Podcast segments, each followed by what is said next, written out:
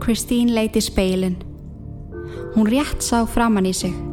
Það eina sem lístu upp herbyggið var eitt kertaljós.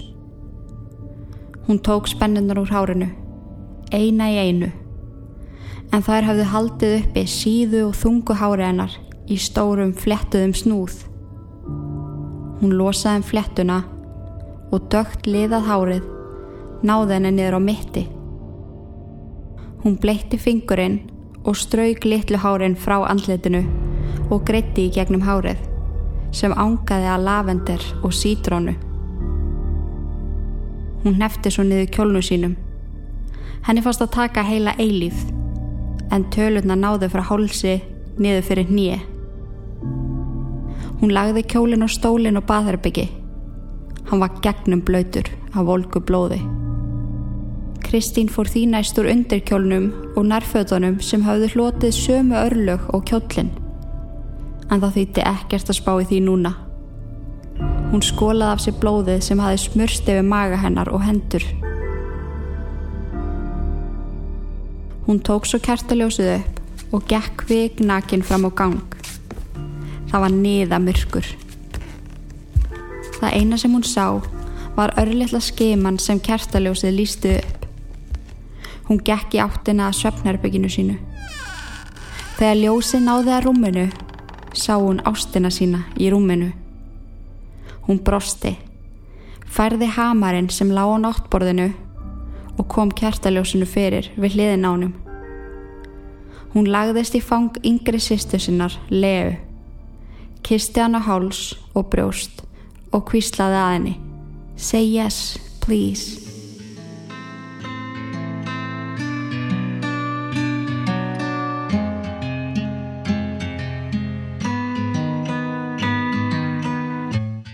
Komið sæl og verið hjartalega velkomin. Inga heiti ég Kristjánsdóttir og þeir að hlusta á Ílverk. Hlaðvarpið sem að hefur svalað forveitni ykkar um sönn sagamál síðan 2019. Í þessum þetta ætla ég að gera svolítið vel við ykkur og leifa ykkur að heyra ansi áhugaverðan þátt úr áskriftinni. En fyrir þá sem að vita ekki þá er hægt að vera í áskrift af Ílverk þáttunum. Hún kostar 950 krónur í mánuði Þið fáið 5 nýja þætti í hverju mánuði, þessa vikulegu án auglýsinga og áskriftin tekur sér aldrei frí. Þannig að þið getið kynnt ykkur máliðin á idlurk.is. En í þessum þætti ætla ég að segja ykkur frá Papin sistrónum sem er eitt styrlaðasta mál sem að ég hef nokkuð tíma kynnt mér. Og ég vil alveg vara ykkur sérstaklega við Google í kringu þessa þætti því að myndirnar eru vægast sagt ógeðslegar. Þátturinn er svo einni íbúið 6 langtímanlegu en ég kem til með að segja ykkur frá því frábæra fyrirtæki þegar að líður á þáttin. Ég vona að þau munuð njóta og hafa gaman að því að fá að skegna staðis inn í ítlverk áskriftina en þar eru rúmlega 150 auka þættir sem að þau geti fengið aðgangað á nokkru mínútum. En all right, papinn sýsturnar, gjur þau svo vel.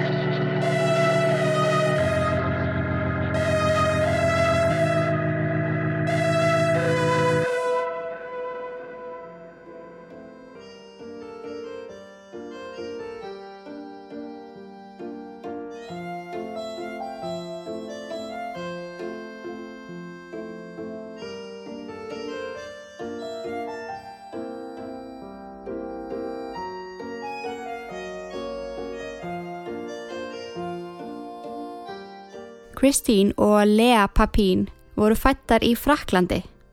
Christine árið 1905 og Lea árið 1911. Líf þeirra frá blöytu barsbeini var erfitt og átaganlegt. Pappi þeirra Gustaf var anstíkilegur og ofbeldisneður alkálisti og mamma þeirra, Clemens, hafði lítinn sem engan áhuga á því að vera móðir.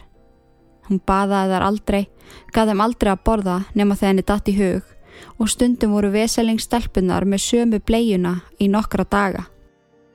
Clemens og Gustaf eignuðust fyrsta badni sitt árið 1901, stúlku sem þið skýrðu Emily. Fjórum árun setna þegar Kristín fættist fannst Clemens of mikið að vera með tvö börn, svo hún sendi Kristín í fóstur til mákonu sinnar, þegar hún var aðeins nokkra mánuða gömul. Stuttu eftir að Lea fættist 1911 komst Clemens að því að Gustaf hafi í langan tíma misnota eldstu dóttur þeirra. Emilju sem var þá tí ára. Í stað þess að sína barninu stöðning sem hún þurfti fannst henni best í stöðinni að senda hana í klaustur því hún var vissum það að Emilja hefði tælt föðu sinn. En barnið sem var bara tí ára hafði alltaf verið mikið fyrir faðumlög og mikla ást og umhyggju. Hún reyttist því ekki Gustaf, heldur reyttist hún barninu og refsaði henni með að senda henni burti í klaustrið, Lennon Pastor, og þar átt hún eftir að vera alin upp af nunnum. Nunnurnar í þessu tildækna klaustri voru þekktar fyrir að vera virkilega strángar og harkalegar við börnin sem send voru þangað. Beittu ofbeldi, neituðu þeim með mat og slóu börnin með leðurólum. Clemens ákvaði að senda Kristín líka í klaustrið svo hún myndi ekki feta í fótspor eldri sýstu sinnar. Það var synd að tæla gifta menn og Guðmun refsa svoleiðis kvendi öflum. Kristín hafi blómstrað í umsjá frængu sinnar og var svo rifin upp með rótum og sendi í sama klaustur og Emilí. Þar sem tvær af stúlkum Clemens voru hvort sem er farnar að heimilinu ákváðan að hefja nýtt líf losa sig algjörlega við gamla lífið og öllu sem það tilherði því. Hún sendi því einni yngstu dóttu sína Leu í fóstur til frænda síns. Eins mikið og Clemens hafði alltaf að refsa Emilí og koma í veg fyrir að Kristín yrði lauslátt eins og sýsti sín, þá reyttist hún heftalega þegar hún fekk þær fréttir að stúlkonum gengi vel. Þær blómstruðu í klaustrinu. Þrátt fyrir mikla hörku og ofbeldi, þá voru þær í nokkuð stabilu umhverfi með rútínu og aga. Sisturnar urðu líka góðar vinkonur og ákvöðu þar í sammenningu að þegar þar erðu nægilega gamlar myndu þær verða nunnur. Þar getur hjálpa börnum sem áttum sárt að binda og kent þeim allt sem að þær hafðu lært. Þegar Emilí hafði náð aldrei stóð hún við ákvörðun sína og gerðist nunna við fallega aðtöfn í klaustrinu. Kristín var viðstödd og horfið dáleit á sýstu sína í fallega nunnukirtlinum og gæti ekki beði eftir að verða nógu gömul svo hún geti fetað í fótsporennar. Clemens var svo reyði verið sem frettum. Þetta er ekki það sem hún hafi hugsað sér. Hennar plan var að stelpunum erði kendur almennulegur ægi og þegar þær hefðu náð aldrei myndu þær fá sér vinnu sem þjónustustúlkur á heimili ríkra fjölskyldna. Clemens hafði sko ekki ætlað sér að eigða ellin í fátækt. Það var hún sem kom stúlkonum í heiminn og það var hún sem sá til þess að þær yksu úr grasi í konunnar sem að þær svo urðu. Hún gráðist þess að þær myndu vinna fyrir peningum til að sjá fyrir henni í ellinni. Clemens fekk það í gegn að Kristín yrði fjarlægð úr klaustrinu. Hún gati ekki barist gegn móðu sinni þar sem að hún var ekki orðin átjónara og var ennþá, teknilega, í forsjá hennar. Kristín var eigðilagð yfir þessu og grátt bað móðu sína um að fá að fara aftur í klaustrið. Mamminar harneitaði og saðinni að hún yrði að vinna eins og allir fullornir einstaklingar gera. Nokkrum dögum síðar tilkynnt hún dóttu sinni að hún hefði fundi vinnu hjá Le Mans fjölskyldunni. Hún yrði sótt eftir tvo daga og þar myndi hún svo dvelja og vinna sem þerna fyrir fjölskylduna. Kristín hafi lært mjög mikið um heimilistörf í klaustrinu. Hún var öguð og metnaðgjörn, svo fjölskyldan sem reðana var mjög ána með hana. Kristín var líka ánaði nýju vinninni. Heimili sem hún dvaldi á var fallegt og fjölskyldan almennileg. Þegar hún fekk fyrstu launin sín, gerð hún eins og móður hennar hafði skipað henni og sendi henni allan öyrin. Clemens var ekki ánað með upphæðina öll þessi vinna fyrir klink. Henni fannst þetta fyrir neðan allar hellur og komði í kring að Kristín segði upp störfum og fyndi annað heimili til að starfa á. Kristín endaði á að hefja störf og þurfa svo að segja upp í fjögur skipti því mammenar var ekki ánað með mánagalaunin. Á því tímabili sem Clemens leitaði nýju heimili fyrir Kristín hafði Lea loksins náð aldrei. Svo hún krafðist þess að hún kæmi aftur í hennar umsjá og hún myndi svo hjálpa henni að finna heimili til að starfa sem þærna á. Um tíma dvöldu stelpunna því báðarheima á móðu sinni og saminuðust aftur eftir margra ára fjárveru.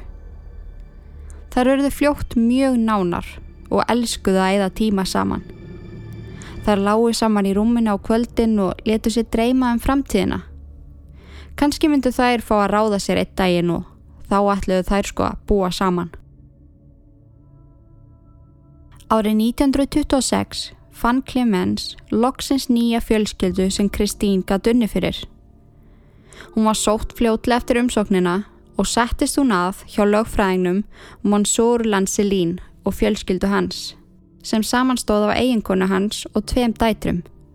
Önnu þeirra var flutta heimann, en svo yngri, Guinevere, bjó ennþá heima. Kristín var fljóta að koma sér inn í öllu verk, en á heimilinu starfa hún bæði sem þerna og kokkur, svo það var nóg að gera hjá henni frá morgni til kvölds. Eftir nokkra mánuði af stanslösu pöði nefnd hún það við Madame Lancelín hvort það væri ekki sniðugt að fá sýsturinnar leu til starfa. Hún geti séð um það að strauja. Þá kæmis Kristín líka yfir miklu fleiri störfi yfir daginn.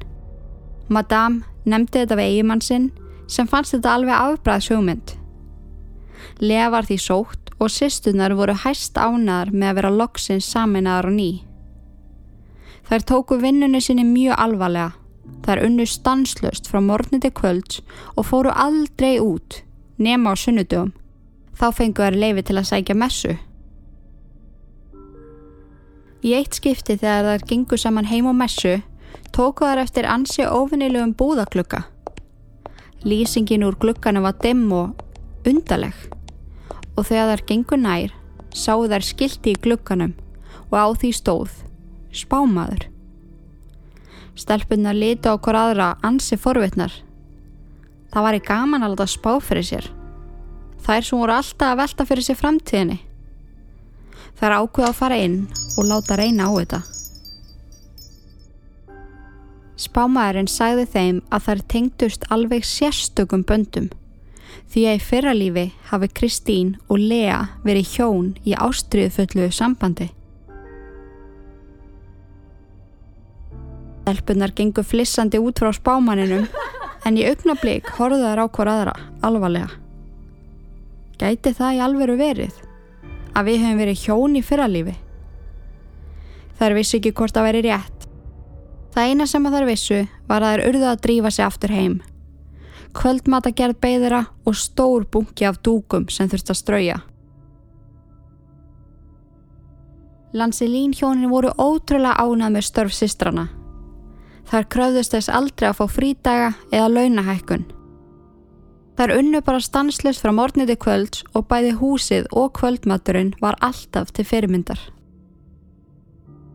Í eitt skipti var kvartað undan Kristín en það starfaði ein önnur þarna á heimilinu. Hún hafi verið þar í mörg ár, séðan Gwenevere var lítið barn. Henni fannst hún því vera nokkus konar yfir þarna og það pyrraði hana virkilega þegar Kristín neytaði að gera hluti sem hún baðan um. Sæði hún hefði sitt eigi plan sem hún ætlaði að fylgja og þessi tildækna kona geti bara synt sínu eigin plani og ætti ekkert að vera að skipta sér af því. Dæin eftir að hún lagði inn kvörtunina til hjónana var hún rekin.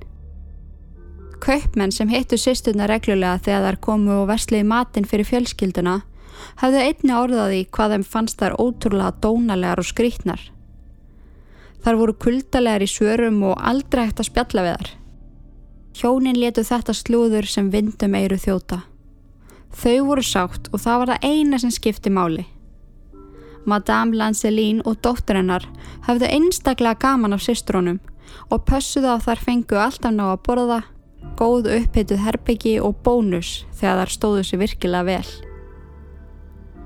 Sestinnar fóru með tímanum að líta á Madame sem nokkus konar móðurýmynd. Hún sagði þeim að þær mættu kalla hana Maman. Clemens, móður þeirra, fekk því viðu nefnið That Other Woman. Þegar Madame Lancelín komst að því að sýstunar væri að senda öll þeirra laun til móðu þeirra, settist hún með þeim og krafiðist þess að þær hættu því. Hún saði þeim að eiga peningana, sapna þeim og með því væru þær að tryggja sér góða framtíð.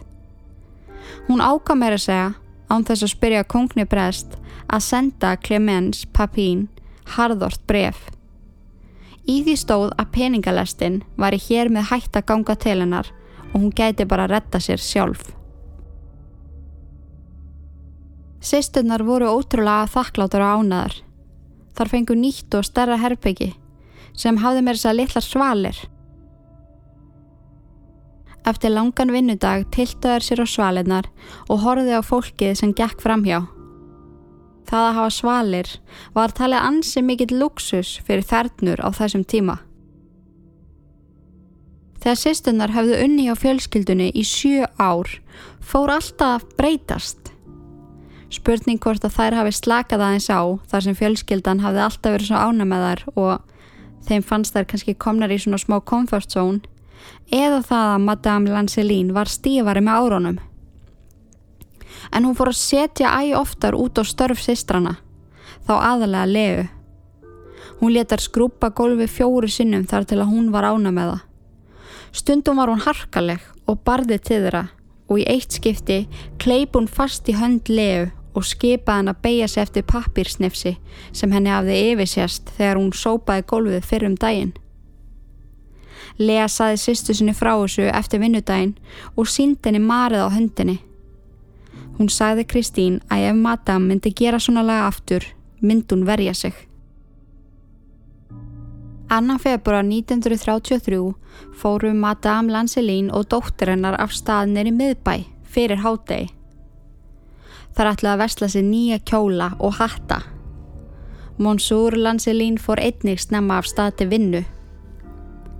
Sestunnar skipilöðu daginn og ætluðu sér að gera allt fullkomið áður en fjölskyldan kemi aftur heim. Þegar Lea stakk straujáttninu í samband og ætlaði að hefjast handa við dúka og sengu vera hrúuna, sló allt út. Hún kallaði til sýstu sinnar sem kom hlaupandi.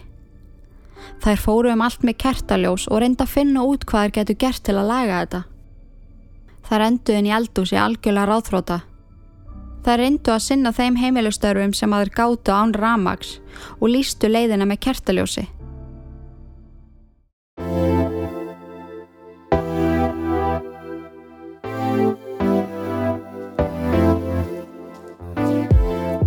Ég ætla að henda í eitt reikningstæmi fyrir ykkur.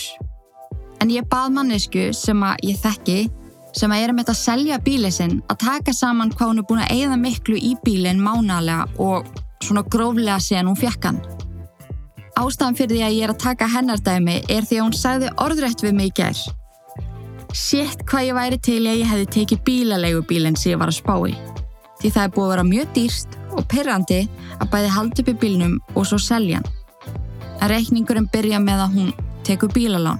En hún keipti sér árskamlan bíl. Hún átti eitthvað um 900.000 sem hún hendi í útborgun og tók svo lán upp á 4 miljónir. Í hverju mánuði þá greiður hún 68.000 af þessu bílaláni. Svo þurft hún að eiga við bílaumbóðið sem að selja þessa bíla. Þar þurft hún að fara í þjónustu skoðanir og það er dýrst ef það þarf að gera eitthvað. Og ángríðins í hverskipti sem var einu sinni ári þá hend hún í 150 til 200.000 í bílinn í þjónustu skoðun. Ofan á það fannst henni umbóði glatað og þjónustan ekkit eðlilega ópersonlega og dónaleg. Svo voru það að dekja umgangarnir Hún þurfti að skipta um rúðu, tvísvars, því það flög steitn í hana. Svo kom ljós í mælaborðið. Það var eitthvað að bremsuklossunum og það kostiði ákveða að fara að láta lesa af tölfunni í bílnum. Hún er lungu búin að eigða hátt í fjóru miljónum bara í þetta vennjulega bílahald. Svo á að selja bíli núna. Hún gerir það ekkit eins og að smyrja brauð. Hún þarf enþá að klára að borga bílalánið og bílinn er búin að falla í verði því að það er það sem bílar gera. Þetta er allt saman mjög óhagstætt þótt þetta sé gaman fyrir marga að kaupa bíla. Það er okkur fullt af fólki sem er eitthvað fuff, ég nenni ekki hlusta á sáulýsingu, ég vil eiga gegjaða bíl. Það er geggjað, en sumir eru bara ekkert á þeim stað, þeim vantar bara góðan bíl, nenni ekki svona útgjöldum og það er bara staðreind að það sem tengis bílum og eiga bíl er frekar óhagstætt. Svo ef við ræðum langtímalegu í samanbyrði við þetta, þá er það eitt verð á mánuði og allt þetta dótari sem ég var að telja upp er innifallið. Vantaði dekk, Ok, fá þig frí dekk. Þig bara kaffa með hann. Er eitthvað bíla í bílum? Ok, kottu og við skulum laga það frítt. Og þú far annan bíl á meðan hinn er í viðgerð. Elsniti á bílinn og þetta fasta verð á mánuði er það eina sem þú þarfst að spá í. Allt annað er coverað. Og svo skilar þú bara bílnum. Farað annan nýrri eða byrjar á hjólræða lífstilum. Bara það sem að henda þér. Ángríns, tjekkað á þessu. Segðu þeim upp í Sixt að þú hlustur á ítverk. Þá græði þau eitthvað geggjaðan díl fyrir þig. Sixt langtímalega. Ekkert eðlilega þægilegt.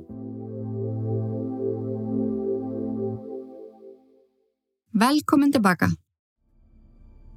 Þegar þar heyrðu svo maðgunna koma aftur heim úr verslunaferðinni með fullar hendur af pókum, stút fulla af kjólum og höttum, hlöpu sýstunar á mótið þeim og útskýrðu hvað hafði gerst. Madame Lancelín brjálaðist. Hún öskraði á stelpunar. Veitir hvað það kostar að laga þetta heimsku stelpur?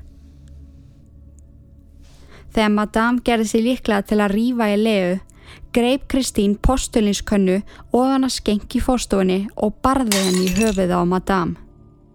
Genevieve rak upp öskur og beigði sér niður til að hjálpa móðu sinni. Kristín öskrar á leu. Ég ætla að drepa þær.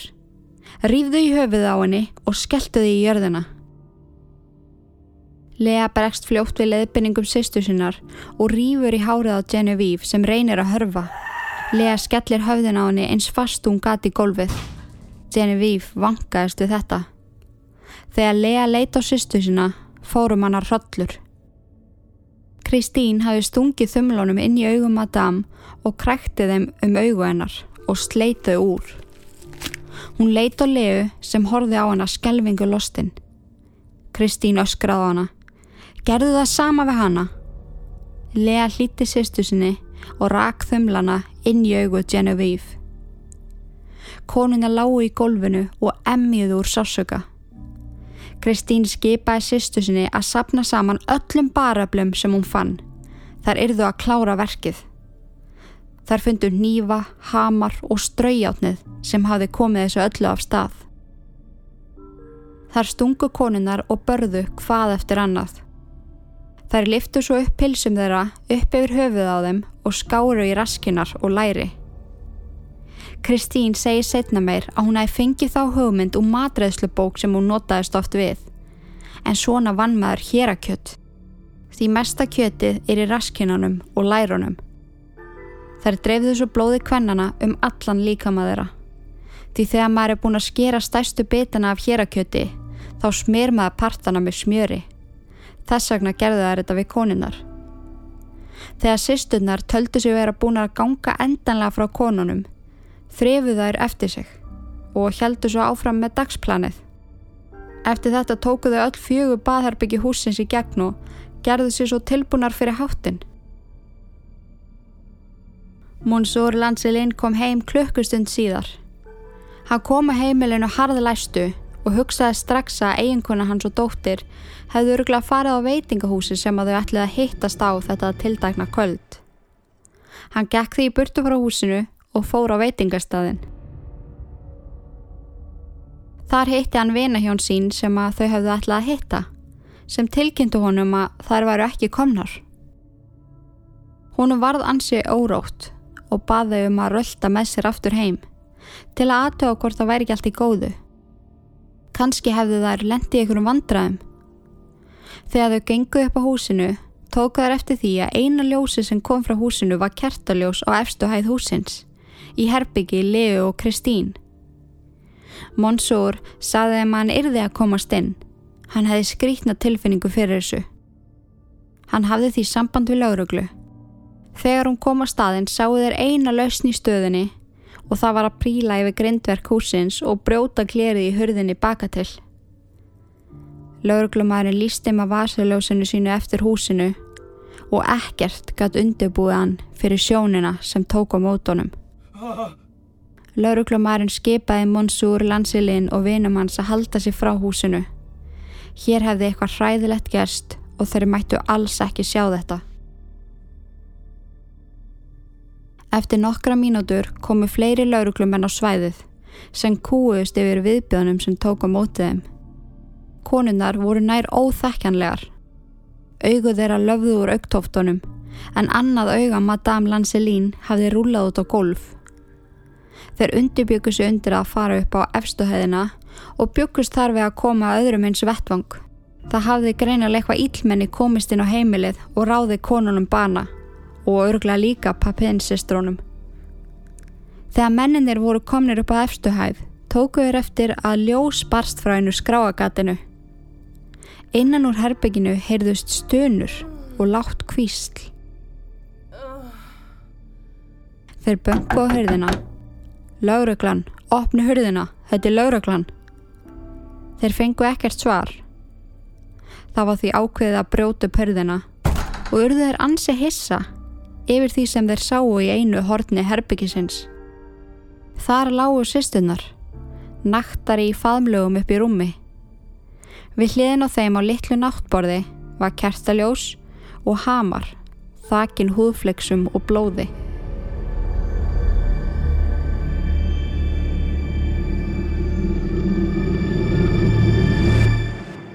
Sistundar voru handjárnar og farið með þar beint upp á lauruglustöð. Þar viðukenduðar strax að hafa orðið konunum á bana, en helduði fram að þetta hefði verið sjálfsvörn Þegar fréttir bárust af papín morðsistrónum var magnað hversu margir tóku upp hanskan fyrir þær. Mér þess að merkir menn á borð við Jean-Paul Sartre, Simone de Beauvoir, Jean Genet. Þeir trúðu því að byli millir ríkra og fátagra væri breytt og sýsturnar hefði af öllum líkendum verið misnótaðar andlega og haldið í þrældóm. Lófræðingu sýstrana sem að þeim var útlitað hjælti fram að það væru geðveikar. Kristín og Lea litu svo sannala þannig út, þá fyrir að vera virkilega andlega veikar. Þær störðu framfyrir sig eins og þær væru í dái. Þær pössuðu upp hver aðra og töluðu bara ef heim gaf leifi til. Lögfræðingu þeirra sæði sögu þeirra í réttasal, hversu hræðilega móðu þeirra og fadir hefðu komið fram við þær. Frænka þeirra og frændi hefðu bæði fram í sjálfsvík en á geðveikra hæli. Afið þeirra hafi verið sendur á geðveikra hæli þar sem hann var svo ofbeldisfullur að hann þurfti að vera í spennitreyu nær allan sólarhingin. Það gekk greinilega mikil geðveila um í fjölskyldunni og þær væru ekki hævar til að fara í gegnum réttahöld og þyrtu aðstóð. Þrýr geðlagnar komu einni fram í réttasal og sögðu að þeir hefðu metið sýstunar og þeirra niðurstöður leitið ljós að þær væru alveg heilbriðar. Þar væru bara blákaldi morðingar sem hefðu skipulagt hennan hræðilega glæp. Þar hefðu þrefið upp eftir sig og vita nákvæmlega hvað þar voru að gera. Það sem kom samt aldrei fram í réttahaldunum var að Kristín hefði fengið hugmynd upp úr matreðslubók sem hún fremkvæmdi á líkum kvennana. Sem er ansi áhugavert og eitthvað sem heilbrið manneskja myndi aldrei gera. Þegar dómur sýstrana var kveðinu upp kom hann virkilega á óvart. Kveðdómur fann til með leu sem að þau töldu vera undirgefin og undir hæl eldri sýstu sinnar. Refsing hennar var því tíu ár í þrældóm. Kristín var dæmt til að vera hálshokkin. Aftaka hennar átt að fara fram 30. september 1933 á Le Mans torkinu, þar sem almenningur gætt komið og fylsta með. Sistuna voru aðskildar eftir dóminn og fór geðhelsa Kristín snar vestnandi. Hún gráð baðum að fá að sjá sýstu sína. Þegar henni var neitað, reyndi hún að pota úr sér augun, barði höfðu sínu í vegg og neitaði að borða. Henni var haldið í spennitreyju svo hún yrði sjálfur sér ekki að voða. Eftir að Kristín hafi gráð beðum að fá sýstu sína í marga vikur var ákveð að leifa þeim að hittast í síðasta skipti. Þeir sem fyldust með göftu þegar þeir sáu hvernig móttökur þær síndu hver annari. Kristín hljópi fang leu, kisti hann á hálsin og tók um brjóstennar. Hún tók svo um efstu tölu blússu leu og neft henni. Hún færði sér neðar og gerði sér líklega til að neppa henni líka. Hún fór með andlit sitt upp á andliti leu og saði Say yes, please. Eftir þessa sjón var talið ansi líklegt að þær hefðu í langan tíma verið elskögar og Kristín væri í rauninni ástfangin að leu. Hún gæti ekki hugsa sér að vera ánennar. og það er spurning hvort að samband að hafi byrjað eftir að spámaðurinn sagði þeim að þær hefðu verið elskugar í fyrralífi. 22. januar 1934 skipaði Albert Lebrum, dómari, að dómur Kristínu yrði léttur. Hann vildi láta metana aftur eftir allt sem hann hafi heyrt um hegðun hennar síðustu mánuði. Nýr dómur hennar hljóðaði svo að hún yrði þræll í erfiðisvinnu þar sem eftir var að æfinar. Eftir nokkur ár var hún samt senda á geðveikrahæli þar sem heilsennar vestnaði svo mikið að hún var algjörlega óvinnu hæf. Á hælinu neyta hún að borða og drekka og nokkrum dögum fyrir 32 ammaliðinar þann 18. mæ 1937 lest hún úr næringaskort. Lea var leist úr þrældónum eftir 8 ár. Hún hafi hagað sér vel og hún virtist koma út úr skilinu með hverjum deginum sem leið. Þegar hún losnaði 1941 flutt hún til aldraða móðusinnar og sótti um vinnu sem þerna á hóteli. Hún skipti um nafn og breytti vist lífi sínu á drastískan hátt, svo það er ekki beint vita meira um ferður hennar. En það náðist ein mynd af henni sem eldri konu sem að ég mynd setja á Instagram.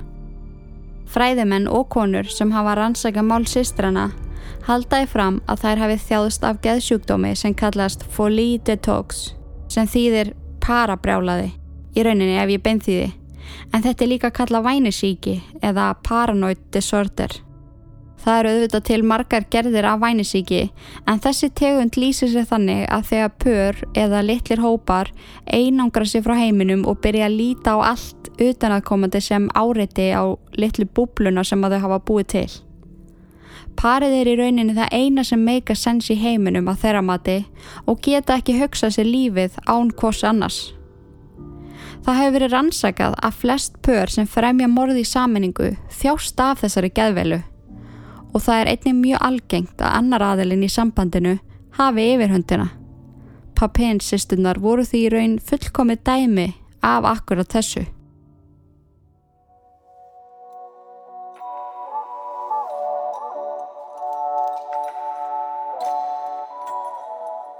Fyrir ykkur sem að eru að spája að fara að ferðast eitthvað tíman til Fraklands þá getið heimsótt gravreitt sýstrana sem er staðsettur í Sematere la Baudière í Nantes. Ég er náttúrulega mjög góð í að bera fram þessa frönsku frasa hérna að við öruglega tekið eftir í gegnum þáttinn. En ég fóra mig til Fraklands fyrir nokkrum árum og ég sé pínu eftir að hafa ekki verið búin að skoða þetta mál þá því að ég hefði pottitt farið og kíkt á þetta. Æsand ekki. Eða jú. Er ég eina sem er hættum að verða fyrir bölvun en maður heimsækir gravreiti morðingja? Það er samt eitthvað áhugavert við það. Það er kannski betur að láta það vera, ég veit það ekki.